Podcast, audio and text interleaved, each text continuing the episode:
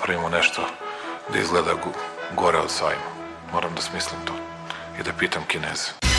I've today left hospital after a week in which the NHS has saved my life. To se žena tiče, vi slobodno shopping. U Italiju čujem da će sada bude veliki popusti, će tamo da budu, pošto niko živi neće dođe, ali tako, u Italiju.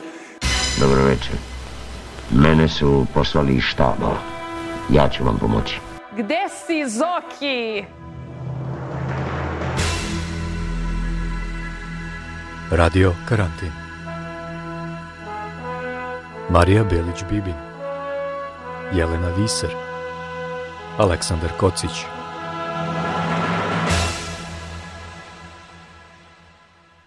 Dobrodošli u još jedan letnji radio karantin, podcast u kojem se podsjećamo na glavne teme i goste koje ste imali prilike da čujete do sada. Radio Karantin je podcast posvećen životu u pandemiji koronavirusa. Ja sam Aleksandar Kocić, a sa mnom je danas i Jelena Fiser. Ova emisija emitovana je 2. maja, u vreme kada su karantinski dani u Srbiji obeleženi lupanjem u šerpe, na koje je režim odmah odgovorio slanjem huligana na krovove, odakle su palili baklje i vikali džilase lopove. Naša gošća u emisiji posvećenoj medicini bila je Svetlana Gavrilov, koja u Njurku radi kao naučnik u medicini. Razgovor sa Svetlanom počeli smo pitanjem kako izgleda život u Njurku, u to vreme najteže pogođenom gradu u Severnoj Americi. Od, ja mislim, 12. marta ja radim od kuće. A, srećom posao je takav da puno toga može da se uradi od kuće.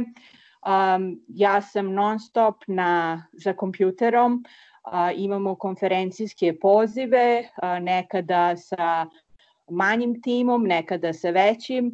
A, imamo puno stvari koje smo morali da prilagodimo trenutnoj situaciji, jer su naši saradnici, kliničari i istraživači vrlo pogođeni sadašnjom situacijom. S jedne strane, eksperimenti kojima se oni bave su zauzeli drugo mesto, zato što je sve posvećeno testiranju virusa korone i isto tako mnogi od kliničara sa kojima radimo su angažovani i bukvalno su u prvim borbenim redovima. Ono na, na što treba da obratimo pažnju, trenutno potpuno fokusirani na, na koronavirus i zaslepljeni ovom pandemijom, jeste da druge bolesti nisu nestale. Svetlana, šta se zna o lekovima kao što su hlorokin i remdesivir ili o nekim drugim koji mogu da se upotrebe u borbi protiv uh, COVID-19?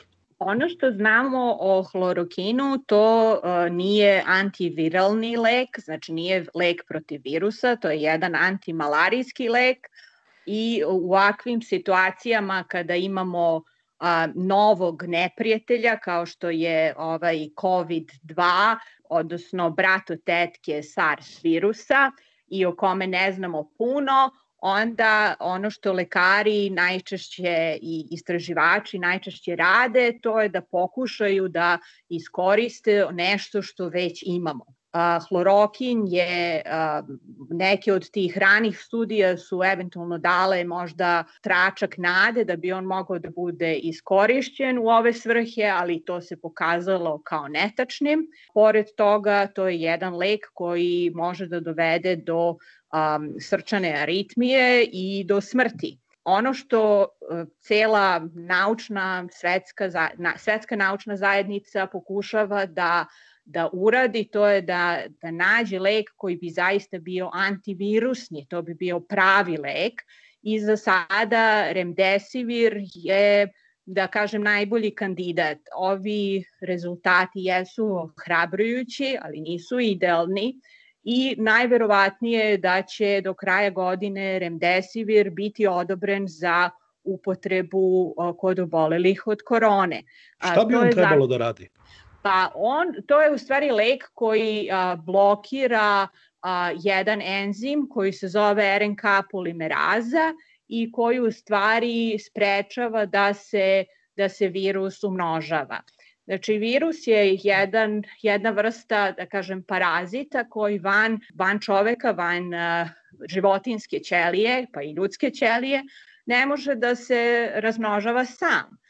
Znači, da bi se on razmnožio, on prvo mora da uđe u, u ćeliju životinskog organizma i da praktično tu preuzme aparaturu koju ćelija inače koristi za svoj život. Svetlana, kako vama deluju karantinske mere u Srbiji? Kao primerene, prekomerne, haotične ili dobro organizovane? Sigurno ne kao dobro organizovane. Ja bih rekla da je to kombinacija haotičnih mera i prekomornih mera. Mislim da je tu najbolje poređenje sa, sa zemljama u okruženju, na primer kao Hrvatska i e, znamo da kod njih mere nisu bile toliko drastične, a da je efekat onoga što je urađeno u Hrvatskoj u stvari vrlo sličan kao ono što je urađeno u Srbiji. Naravno, sa uvođenjem karantinskih mera se u Srbiji zakasnilo. Zakasnilo se i u Americi. Ja mislim da su zakasnili po mojoj proceni bar četiri nedelje sa uvođenjem karantinskih mera. Mislim da u Srbiji ti dugački policijski časovi ne vode, ne vode ničemu i da je to jedan način da se vlast življava nad narodom.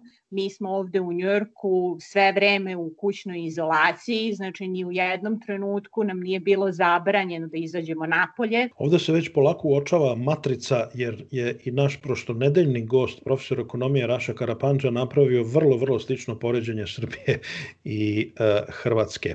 A te sam da spitam kako trenutno izgleda život u e, tako e, načičkanom gradu kao što je Njujork? Kod mene u, u mom kraju a, koji se zove Riverdale, to je severozapadni deo Bronxa, blizu reke Hudson. A, kada pogledate kroz prozor, situacija izgleda poprilično idilično. Svaki dan izgleda kao nedeljno popodne 83. To je, na primer, količina ljudi koju možete da uočite na ulici. A, to je takođe i količina vozila koje možete da vidite. Ono što prekida tu idilu su učestali zvuci vozila hitne pomoći. I ako pričamo sad o uslovima, ako pričamo o tome da su eventualno i Srbija i Amerika zakasnile sa uvođenjem karantinskih mera, kada se stiču uslovi za popuštanje tih mera? S obzirom da smo sve ovako uradili navrat na nos i, i pritom ne mislim samo ni na uh, Srbiju, ni na Ameriku, nego mislim na ceo svet. Mislim da smo kao, kao zemaljska kugla poprilično a, nespremno i neodgovorno dočekali pandemiju, onda ćemo isto to a, sada videti sa izlaženjem iz ovih a, karantinskih mera koje će biti poro, a, mislim da svi treba da se pripreme i a, da se naoružaju strpljenjem zato što će ovo potrajati. Velika bi bila greška da se iz ovih a, karantinskih mera izađe naglo. A, mislim da ono što nas očekuje do kraja godine jeste apsolutno ublažavanje ovih karantinskih mera, ali definitivno ne vraćanje na normalu od a, pre pandemije. Glavni problem je taj što a, testovi a, kojima bi se moglo utvrditi da li da li je neko bio zaražen i preležao koronu, te, tih testova još uvek nema dovoljno. Tako da kada otpuštamo ove i popuštamo sa ovim karantinskim merama, mi u stvari ne znamo ko su ljudi koji su već imali um, ovo oboljenje, a recimo bili su asimptomatski, znači apsolutno bez ikakvih simptoma, a ko su, uh, ko su oni koji nikad nisu došli u kontakt sa, sa ovim virusom i sad već tu svima je jasno znači da je jedna situacija gde ćemo mi sve te ljude pustiti da se oni normalno kreću i mešaju, jasno nam je da to može vrlo brzo dovesti do tog famoznog drugog talasa koji iz ovog prvog uopšte uspemo da izađemo. U prošlosti su pandemije pratili i neznanje, nepoverljivost, sujeverje, predrasude i pre svega spor protok informacije, pa i pripremljenost na reagovanje bila spora.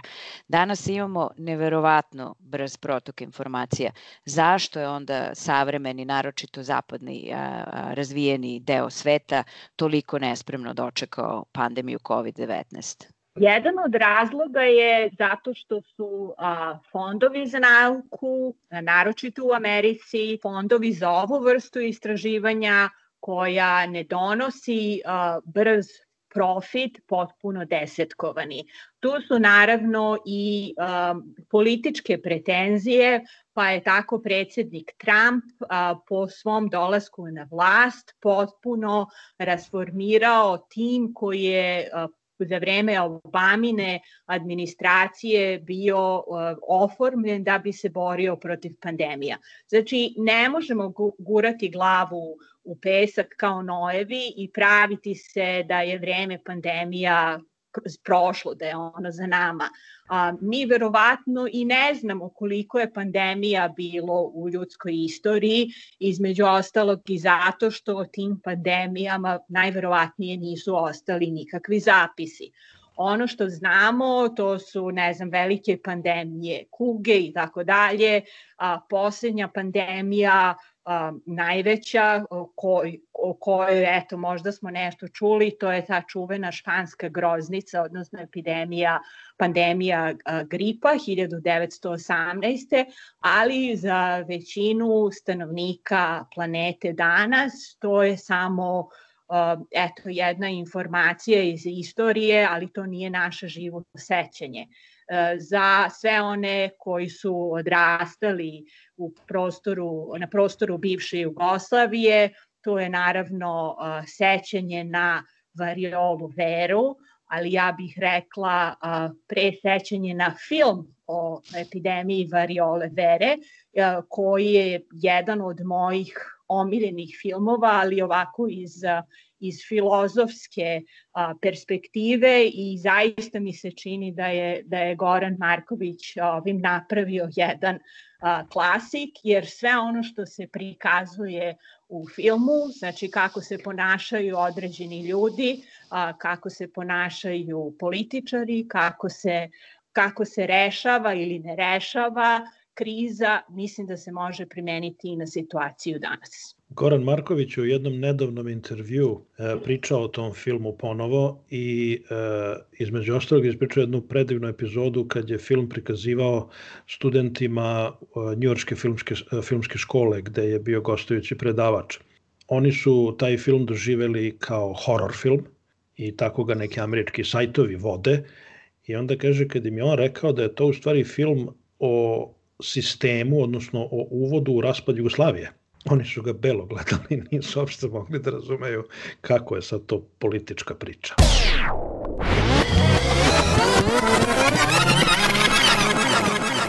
Radio Karantin. Svetlana, spomenuli smo lekove koji se e, testiraju da bismo videli da li mogu da se upotrebe u borbi protiv e, COVID-19.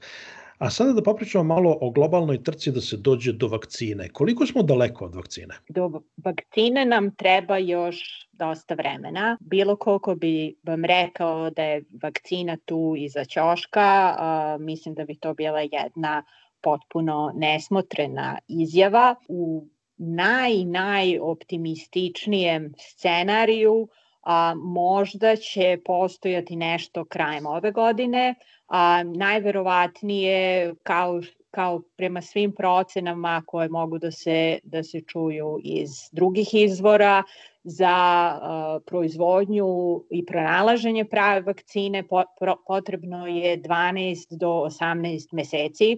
A, trenutno postoji, a, po mojim saznanjima, više od 90 projekata za vakcinu. Mi bismo bili kao svet, znači da smo se ponašali odgovorno, a, mi bismo bili mnogo dalje u, u, ovom, a, pro, u ovoj proizvodnji vakcine, da smo nastavili sa proizvodnjom vakcine za SARS posle epidemije SARS-a 2002-2003.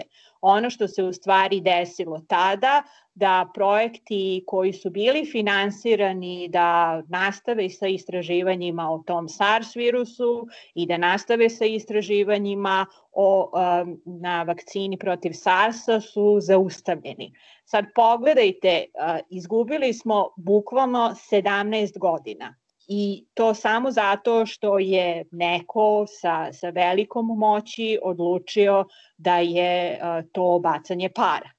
Razlog zašto su neki od ovih projekata već ušli u tu prvu fazu kliničkih ispitivanja je i taj što, je, što su prethodna ispitivanja o tom SARS virusu ipak pronašla neke stvari, znači skupili smo neka znanja, postojali su tu neki projekti i neke ideje kako da se napravi vakcina protiv koronavirusa i onda je praktično taj, taj kostur koji bi mogao da, da se upotrebi za vakcinu protiv SARS-a sad samo uh, iskorišćen i nastavilo se ubrzano sa istraživanjem kako da se to primeni na ovaj sad novi koronavirus koji je, kao što sam rekla, znači bliski rođak SARS virusa da li ti elementi koji čine taj kostur o kome sada govorite, koliko oni pomažu sada? Kako se uopšte dolazi do vakcine?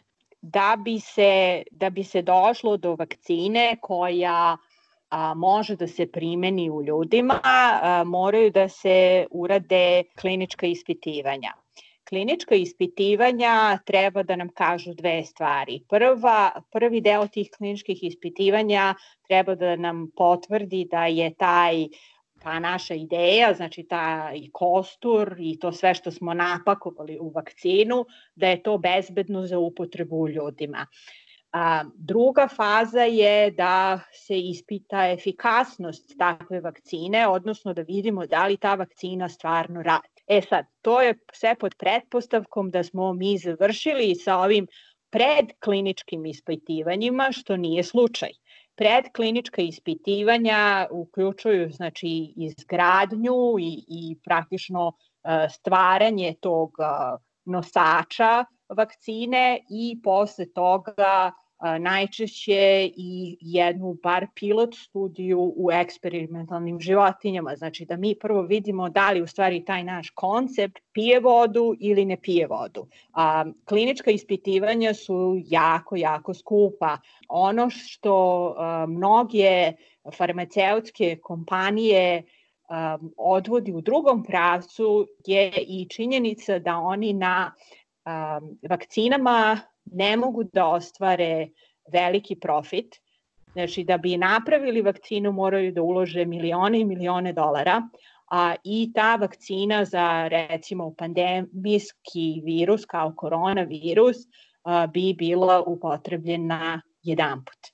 Za farmaceutsku industriju su mnogo bolje ove pilulice koje se uzimaju svaki dan, a, lekovi protiv bolova, a, lekovi koje uzimaju srčani bolesnici ili oboleli od diabetesa, to su lekovi na kojima se pravi profit, to nisu vakcine.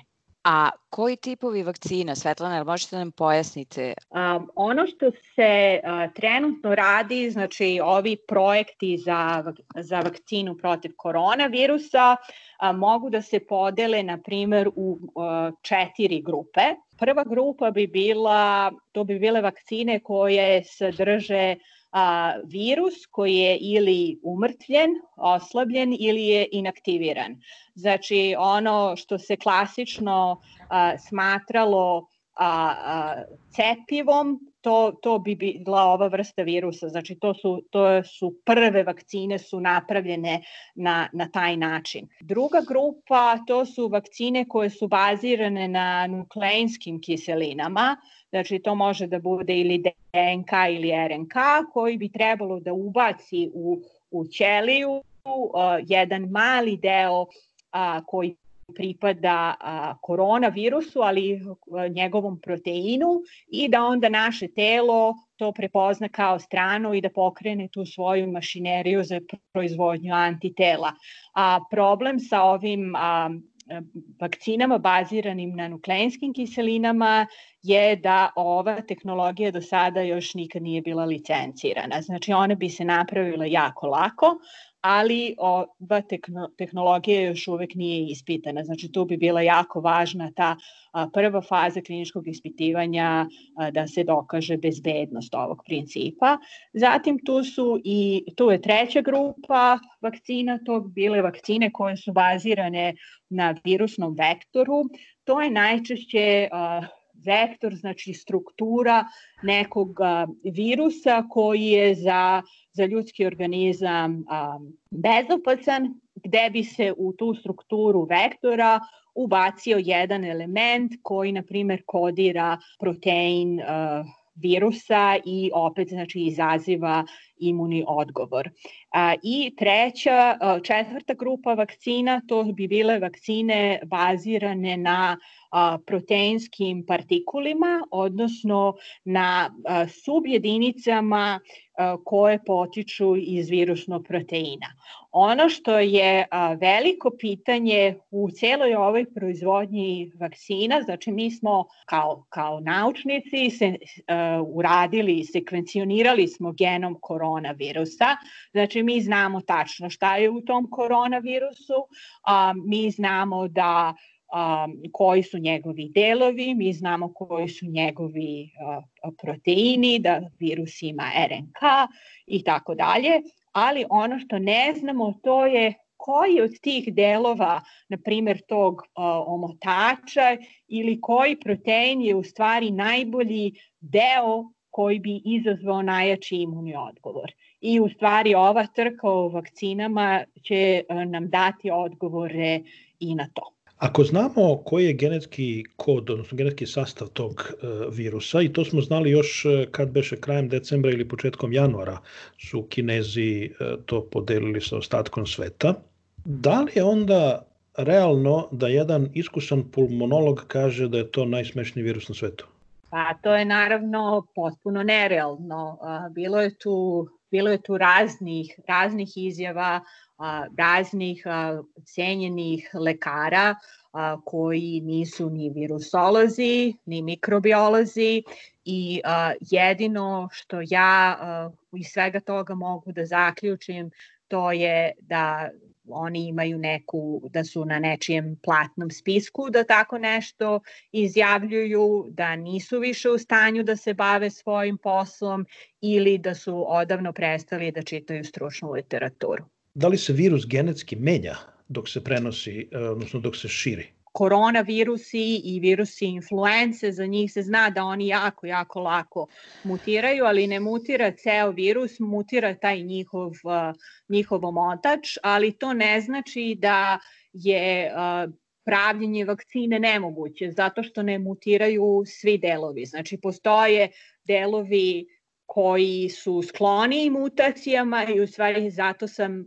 u ovom prethodnom objašnjenju i, pr i pričala o tome znači da moramo znati koji je taj deo proteina koji bi izazvao i najjači imunni odgovor uh, ukoliko bi se iskoristio za vakcinu, a isto tako da znamo da je to deo virusa koji se neće kroz propagaciju, kroz uh, uh, razmnožavanje puno izmeniti. Dijagnostički institut Abbott objavio je da imaju spremne testove na antitela sa 99% preciznosti.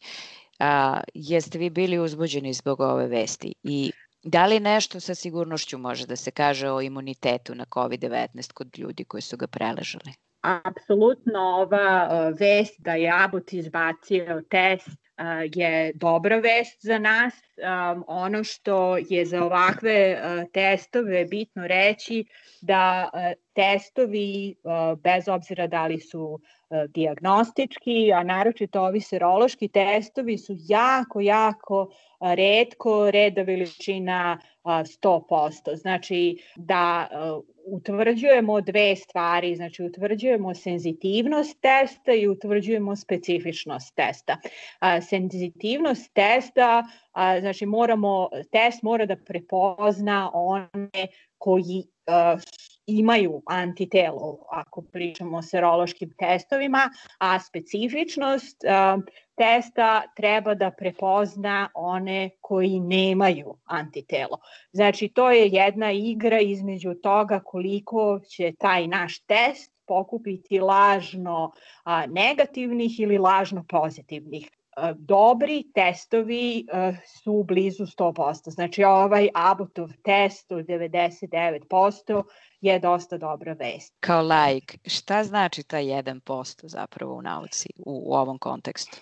Pa u kontekstu to bi značilo da znači opet kao ona, ona priča sa, sa nekog početka ili sredine našeg razgovora, to je zamisliti situaciju gde vi nekome kažete da je da je lažno negativan. Ako govorimo o serološkom testu, to znači da ta osoba nije došla u kontakt sa virusom ili da toj osobi kažete da je lažno pozitivan.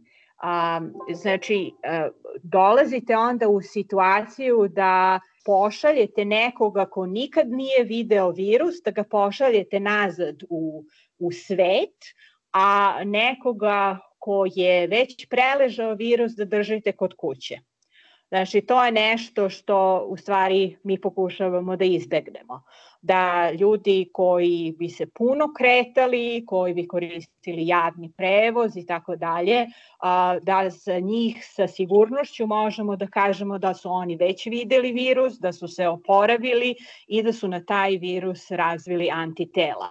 Ono što je isto bilo pitanje, a to je kako ćemo znati da li na ovaj koronavirus postoji, da li je razvijen imunitet ili ne kod ljudi koji su ga preležali. Sve što možemo da kažemo to je da na osnovu naših saznanja o bliskom rođaku koronavirusa, a to je SARS. Zna se da imunitet posle preleženog SARS-a postoji i da najčešće antitela protiv virusa SARS-a mogu da se nađu u krvi onih koji su ga preležali do dve godine posle infekcije. Znači ja pretpostavljam da će biti slična priča i sa koronavirusom. Ja znam da su se pojavile neke vesti o ljudima koji su bili a, ponovo zaraženi, ali je najverovatnije reč o tome da su ovi testovi za koje, eto, kao što znamo da su nepouzdani, e, da, da se tu nešto desilo, znači da je ili, ili je to prvo bio lažno pozitivan rezultat, e, pa je, pa je posle bio pravi ili, ili tako neki scenario. Radio Karantin.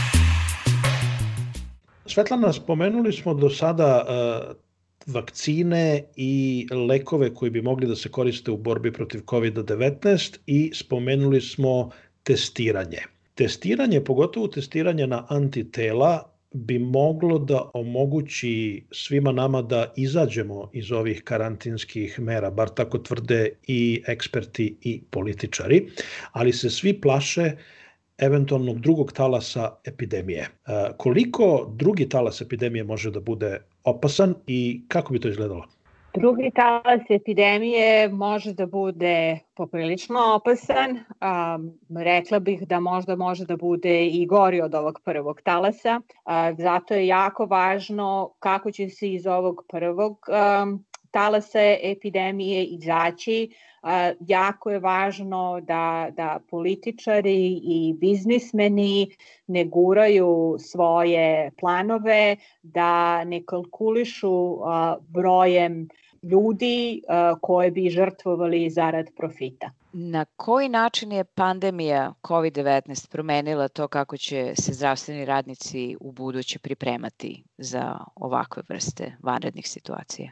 Mislim da će se desiti uh, dve stvari. Jedna je da će zdravstveni radnici biti uh, mnogo spremni da svoje uh, pacijente vide preko videa. Znači ta telemedicina je je stigla i ja mislim da će ta telemedicina i ostati a, i da e, za određene pacijente kao što su, na primjer, onkološki pacijenti koji su na nekoj redovnoj terapiji, ta telemedicina je apsolutni spas. Sve ono što bi lekar uradio u nekom razgovoru može da da uradi u jednom video pozivu, a onkološkog pacijenta jednostavno ne izlaže riziku od, od koronavirusa u bolnici gde trenutno ima ne znam se koliko slučajeva obolelih i gde bi šanse da se neko ko je već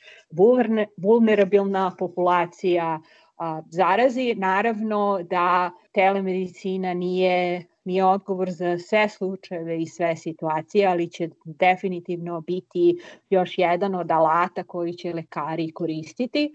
A, a drugi deo toga kako će pandemija a, promeniti a, ono što se dešava u medicini, a, mislim da, da ćemo morati da se organizujemo mnogo bolje i na svetskom nivou, a i na nivou od država, da, da se pre svega da, da, da se urade dobre a, i precizne a, prognoze koliko nam je potrebno maski, koliko nam je potrebno rukavica, koliko nam je potrebno vizira, koliko često te maske, viziri rukavice treba da se, da se menjaju. Mislim da je to nešto na čemu je svet apsolutno podbacio, zato što su i, od, i zbog toga su dolazile onako poprilično neujednačene a, izjave tipa imamo dovoljno opreme, tipa nemamo dovoljno opreme zato što jednostavno nisu ljudi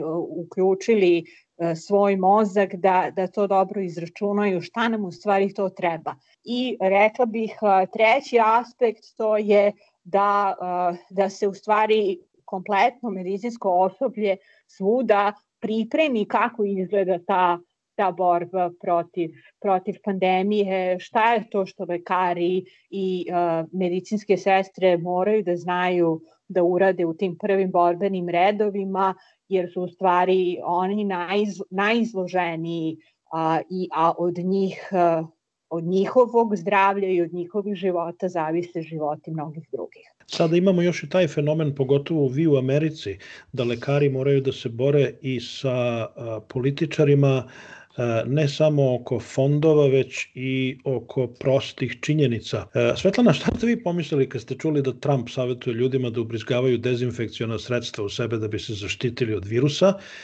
Ili ovaj nesretnik u Srbiji, Mitrović, što priča o ozonizaciji krvi? Srećom nisam um, uživo gledala ovu tu konferenciju za štampu kada je, kada je Trump to izjavio. Naknadno sam videla to na Twitteru, pa sam onda i pronašla taj video i onda to veče bukvalno nisam mogla da spavam. Znači takav je, takav je bio, takav je bio efekt na mene i rekla bih da je to bio prvi put u, u ovih koliko već nedelja da sam se ja uplašila. A šta kao naučnica mislite o teorijama zavere i lažnim vestima u medicini i nauci uopšte? Koliko su one opasne? Ja primećujem da je sa, sa ovim brzim, brzom razmenom informacija gde, gde se telefoni ne ispuštaju iz ruku, ova pojava uzela maha.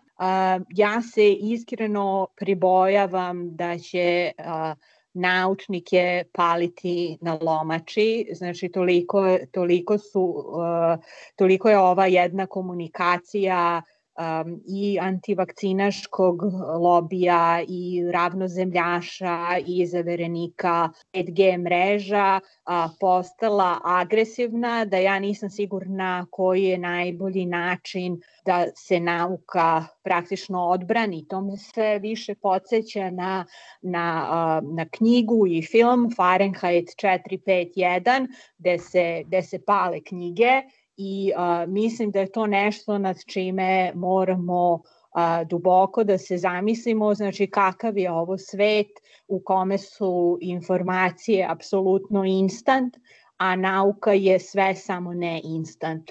Ali zar ne mislite, ali zar ne, izvinite što prekidam, ali zar ne mislite da je ovo zapravo velika šansa za nauku da se ponovo, ako tako mogu da kažem, dokaže i da mi kao čovečanstvo shvatimo da će nas iz ovoga izvući i spasiti nauka. Imali smo pre par godina Brexit i e, Trumpov dolazak na vlast. To su bili politički događaji e, kada su populisti e, došli, dočekali svojih pet minuta i kada je jedan od slogana koji je obeležio Brexit bio dosta nam je eksperata. A sada nas ova kriza zapravo vraća na to da bez eksperata nema napred. Tako je i apsolutno se slažem sa vama. Mislim da je ovo velika, velika šansa da nauka napravi svoj comeback, da nas iz ove pandemijske situacije i drugih pandemija za koje takođe verujem da dolaze, samo nauka može spasiti. Koliko je realna bojazan da će pandemije biti česta pojava u budućnosti? Ja mislim da će pandemija biti još za naših života, a koliko će oni, one biti česte, to je, to je teško predvideti, ali recimo da ako analiziramo poslednjih 50 do 100 godina, znači možemo da, da pogodimo koja bi to bila učestalost, koje su se to nove bolesti pojavile, na primer virus HIV-a ranih 80-ih, SARS, MERS, znači evo korona, znači već tu imamo ideju koja je, koja je to učestalost kojom se, kojom se pojavljuju nove bolesti. Mi smo zaboravili zato što pripadamo generacijama onih koji su protiv svih tih dečjih bolesti primali vakcine, pa smo zaboravili šta to znači kada protiv uh, takvih bolesti koje odnose živote vakcina nema. Uh, za pobornike antivakcina akcijskog pokreta.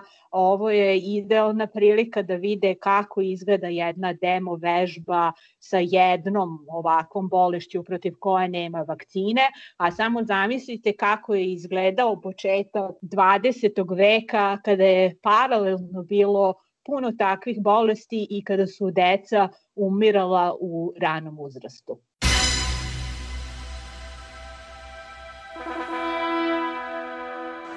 Napravimo nešto da izgleda gore od sajma. Moram da smislim to i da pitam Kineze.